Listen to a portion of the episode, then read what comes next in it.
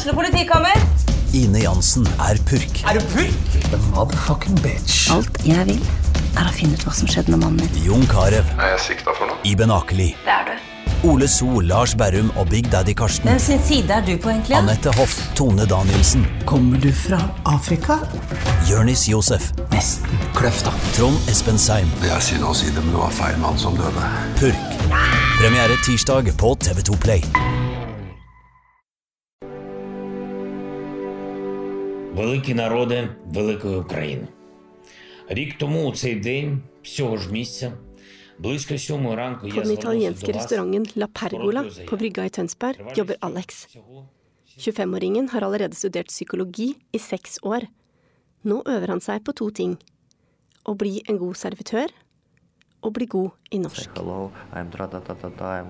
Jeg heter Alex, eller Aleksandr Karnasjenko, som han egentlig heter, er en av 40 000 flyktninger som har kommet fra Ukraina til Norge det siste året. De har hver sin historie. I denne episoden av TV-podden skal du høre tre av dem. Alex, Olena og Nadia. Alex, som har vært her lengst, er altså i gang med arbeidstrening. Uh, I'm lærer uh, norsk uh, because uh, uh, I snakke norsk. Er godt. And uh, that's why I uh, find this place because I need uh, not only read a lot of book and uh, only read, read, read, read. I need speak. I need in practice understand how I need speak because uh, I, I need I, ha- I need uh, I need an accent, you know. Then I, yeah, and if I uh, uh, only read, it's bad, and that's why I'm here. I'm La Pergola, and I try uh, do a lot of uh, things, uh, hand and uh, mouth. Allerede i 9. klasse ble Alexander erklært tjenesteudyktig. Det er derfor han ikke er soldat i Ukraina. За рік фактично кожен українець когось втратив. Батька, сина, брата, маму. Alle har mistet en kjær, sier president Zelenskyj i sin tale til det ukrainske folket 24.2.2023. Близького друга, En mor, Олег, en bror, сусіда, en datter, знайомий. en sønn, en far, en venn. På ukrainsk senter i Tønsberg møter jeg Olena. 30-åringen kom hit til byen 7. februar, nesten ett år etter at hun flyktet med sine nyfødte tvillinggutter fra hjembyen Kiev. Flukten startet da krigen brøt ut 24. februar 2022. Mens konflikten mellom Russland og Ukraina stadig ble mer tilspisset, nærmet det seg datoen for Olenas fødsel. Jeg vil gjerne høre hvordan hun opplevde å skulle få barn i et land på randen av full krig Коли я народжувала, е, е, е, мова по телебаченню йшла, е, що у вас на всякий случай мають бути м, тривожні варіанти. Anastasia Smyk er leder på ukrainsk senter, og hun hjelper oss med å oversette det Olena sier. Вже давно. через те, Si- що eh, Hun hadde jobbet i politi, akkurat med i arkivavdeling, så de hadde fått informasjon eh, fra gang til gang. Liksom at eh, at eh, det, det, det er stor risiko at krigen kommer allikevel. Og de har fått beskjed om at man, hele Ukraina har fått beskjed om at de kanskje kunne lage et sånt eh, koffert eller ryggsekk med litt sånt alt med, med dine dokumenter og litt mat og vann og sånn. Så det ble snakket lenge. Ukraina, og, det ble gitt informasjon til hele befolkningen i Ukraina. Men ingen tok det på alvor. Så sykehusene var ikke forberedt. Så det var ikke noen bombe som, som satte i gang, eller som var klar eller forberedt. Nei, ingenting. Så det var ikke noen forberedelse på sykehuset heller. Men hvordan opplevde du den første tida med to bitte små barn og så krig rundt eh, husene?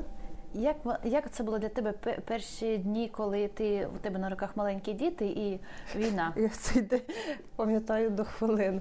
Е, ну, е, е, мене тільки виписали з лікарні. Den natten når krigen eh, startet, det var i deres første natt hjemme etter sykehuset. Hun er ung mamma med, med to små barn, har fått. Det var jo hun kunne ikke føde selv, så da ble hun operert. Så hun hadde ikke sånt Hun var litt sånn syk.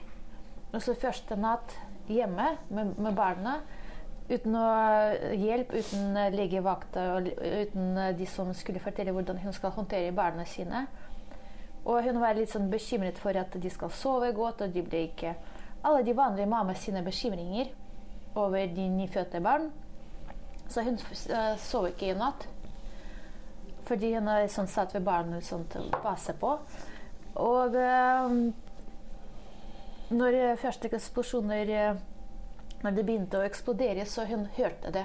Men hun trodde at dette er jo bare fordi hun fikk ikke sove, så det er kanskje noe mareritt. Eller, så hun, hun, visste ikke om hun sover, eller hun drømmer, eller det er realiteten. Og så etterpå det kom SMS. Siden hun er jo pliktig og hun, er, hun jobbet i politi, så har jeg fått beskjed kom med automatene og våpen på, på jobben. For nå starter det. Så egentlig det er slik hun har fått beskjed. Så hun vekket mannen sin og så um, sagt at nå, nå starter det.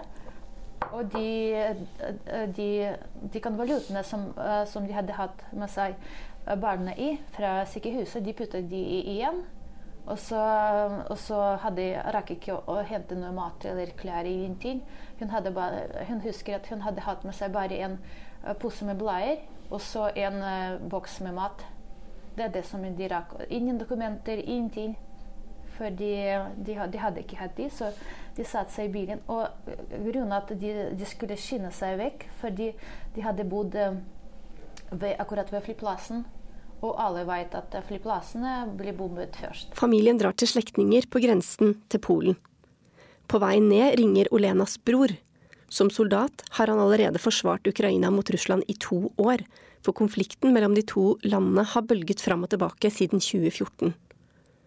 Han spør hvor vi er, og blir glad for å høre at vi ikke lenger er i Kiev. Men jeg har vært veldig redd for ham, for han har forsvart Mariupol, som virkelig har blitt rammet av bombene, forklarer Olena. Sist gang Olena har kontakt med broren sin, er 1. mars i 2022, og etter det forsvinner han, og hun må bruke de neste tre månedene på å lete etter broren så fikk vite eh, at han, han, lever i hvert fall. Jeg og bror vi har et veldig tett forhold, siden eh, jeg, hadde, jeg var barnevakt for han siden han var liten, og så jeg var som mamma for han. Så etter den beskjeden at han forsvant, så jeg visste at jeg var eneste som, kunne, eh, som bryr seg, og så, som kan hjelpe han å, å komme, komme, tilbake. Så, men uh, vi, hadde, vi hadde ikke hatt instruksjoner hvor man skal finne soldater og hva man skal gjøre. Så jeg hadde ringt rundt omkring og brukte sosiale medier for å, for å finne ut hvordan man skal uh, få soldat som er, uh, som er forsvant. Olena forteller at broren nå er krigsfange hos russerne. Siden han er offiser i den ukrainske hæren, håper hun at han kan ha en verdi når russerne ønsker å bytte til seg russiske krigsfanger fra Ukraina en dag. Da vi kom til det trygge stedet, så vi har fått et, uh, vi har fått et, et, hus i et lite tettsted. Og siden, uh, siden, det var ikke, det var ikke nær Kiev, så det var, sånt, det var bekymringer, og vi var skremt og redde. Men allikevel, det var jo uh, det var litt sånn på en måte trygt, relevant trygt sted. Men vi hadde ikke hatt klær, og alt var jo panikk, alt var jo stengt. ikke sant? Så da da nabo, nabodama vår hun hadde hatt symaskin. Så hun hadde her begynt å sy klær til mine små barn. Siden vi hadde bodd så nær grenser, eh, så de folka som forlot landet, de hadde kjøpt eh, både mat og blader til barna sine. Så på et tidspunkt vi hadde opplevd at det var ingen steder å kjøpe barnemat. og jeg hadde, jeg hadde mista morsmelken pga. at uh, det var jo stress. Og jeg måtte se og lete etter broren min i tillegg på de nettsidene hvor det ble snakket, uh, snakket om uh, soldater som døde. Så det var jo veldig mye stress. Og pga. det jeg mistet morsmelken. Så det var jo også oppgave å finne, å finne mat til barna mine. Uh, Ca. om etter en måned siden krigen startet, så internasjonale organisasjoner som hadde sendt humanitær hjelp, bistand, de, de begynte komme, denne hjelpen begynte å komme over grensen til Ukraina òg. Så da det med, med bleie, barnebleie og mat, så, og da begynte det å bli litt lettere med å få tak i disse tingene. Selv om heldigvis ting gikk lettere for Elena og de to små tvillingguttene, kom det nye utfordringer. Pga. krigen jeg mistet alt jeg hadde hatt. Коли почалася війна, чоловік почав піднімати на мене руку. Etter eh, krigen startet, mannen min begynte å slå meg. Ну, ці місяці я терпіла знущання постійно. Og alle de måneder eh, i tillegg til krigen, jeg måtte holde, den hjemme, altså holde ut i hjemmevold. Батьків в мене не було. І брат теж не могла витягнути, щоб ну, змогла з ним бути, що він мене захистив. Jeg har, ikke, jeg har ikke foreldre, og jeg hadde trodd at bror det er jo som skal beskytte meg, men uh, han forsvant. Останній раз, коли він підняв на мене руку в листопаді, я викликала поліцію, бо він почав нас виганяти. Siste gang når jeg slått han meg, så jeg ringte politiet og, og har sagt ifra om hjemmevold fordi han begynte å, å kaste ut fra huset. Olena skjønner at hun må videre. Jeg skjønte at, at uten lys, uten strøm, uten vann, uten varme, det er vanskelig å overvintre i Ukraina. Og jeg hadde ikke hatt inntekt. Og jeg visste at barna kommer til å trenge mat og pleie, så det, det var vanskelig å tenke seg å bo videre i Ukraina. Я почала шукати країну, яка добре відноситься до дітей, щоб я не переживала. Og jeg begynte å lete etter et land som, som har kjempegodt forhold til barna, som at barna mine kommer til å føle seg trygge. Valget faller på Norge, og ved hjelp av frivillige kommer Olena seg etter hvert hit. Lengre nord i Ukraina blir tilværelsen uutholdelig for en annen tvillingmamma. Nadia Nduleba, mannen Andri og barna Mykola og Sofia er på besøk hos besteforeldrene på grensen til Russland da krigen bryter ut. And, um, at near five o'clock in the morning, uh, sister of my husband uh, Klokka var bare fem om morgenen da svigerinnen hennes ringte og fortalte at Kyiv er bombet. Veien i begge retninger var under angrep, og det ville vært veldig farlig å prøve å komme seg tilbake til Kiev. Det tok ikke lang tid før alle butikkene var tomme for mat, for såpe og for andre varer.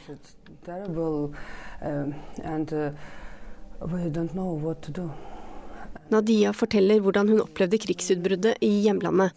Gjennom den første tiden var det lokale bønder som ble redningen.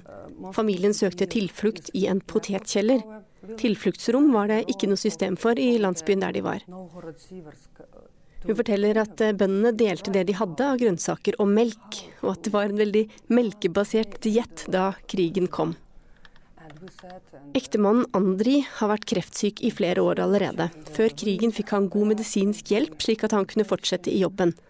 Begge to er professorer på Det nasjonale universitetet for transport. Den første tiden jobbet de fortsatt digitalt, og så måtte kreftavdelingen på sykehuset tas i bruk som skadestue for hardt skadde, og det ble slutt på den nødvendige kreftbehandlingen. Nadia så at ungene var veldig, veldig redde. They,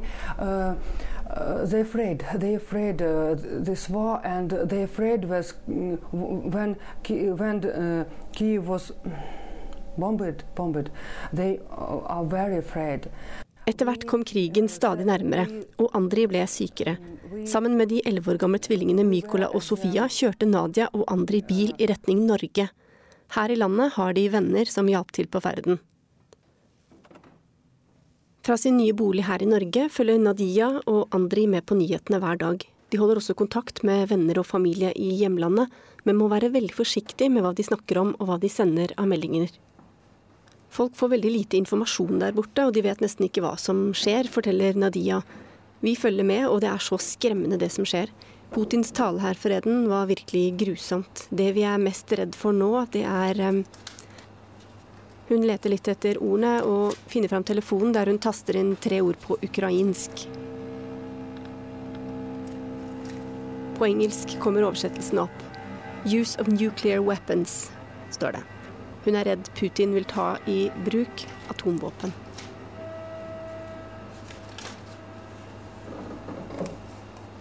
Tilbake på La Pergola nærmer det seg ettermiddagsskiftet i restauranten for Alex. Han skal prøve norsken sin igjen. Han forteller at flere han har snakket med syns det er vanskelig å komme i kontakt med nordmenn. Men han er ikke enig. Alex har nemlig et lite knep på lur. Yesterday, maybe or two days ago, I meet uh, one Norway man who walking uh, to uh, the two dogs.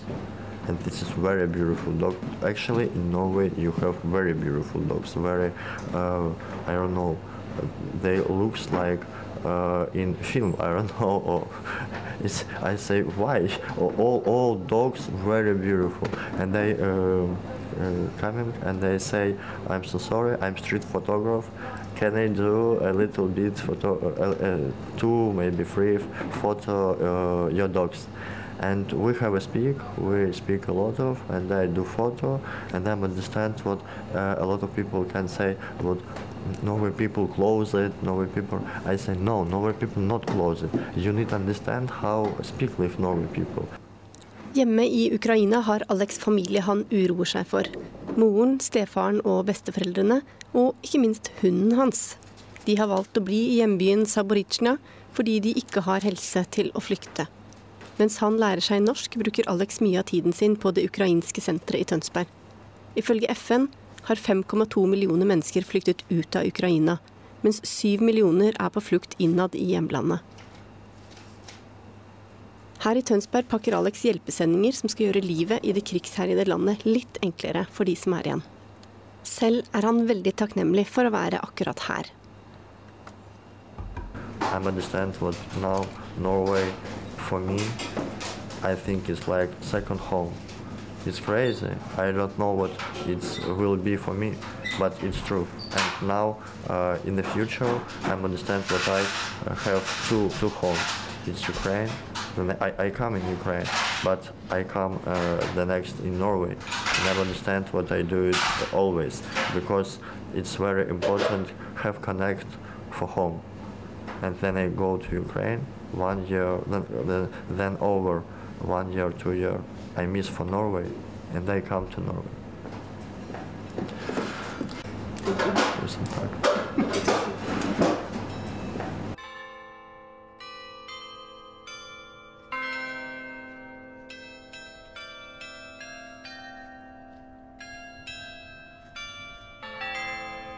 Du har hørt en ny episode av TB-podden, en podkast fra Tønsbergs Blad. Denne episoden er laget av meg, jeg heter Marie Olaussen, og vår ansvarlige redaktør er Sigmund Kydland. Klokkespillet du hører i bakgrunnen, det er Espen Melbø, domkantor i Tønsberg domkirke, som spiller den ukrainske nasjonalsangen på klokkespillet i Tønsberg.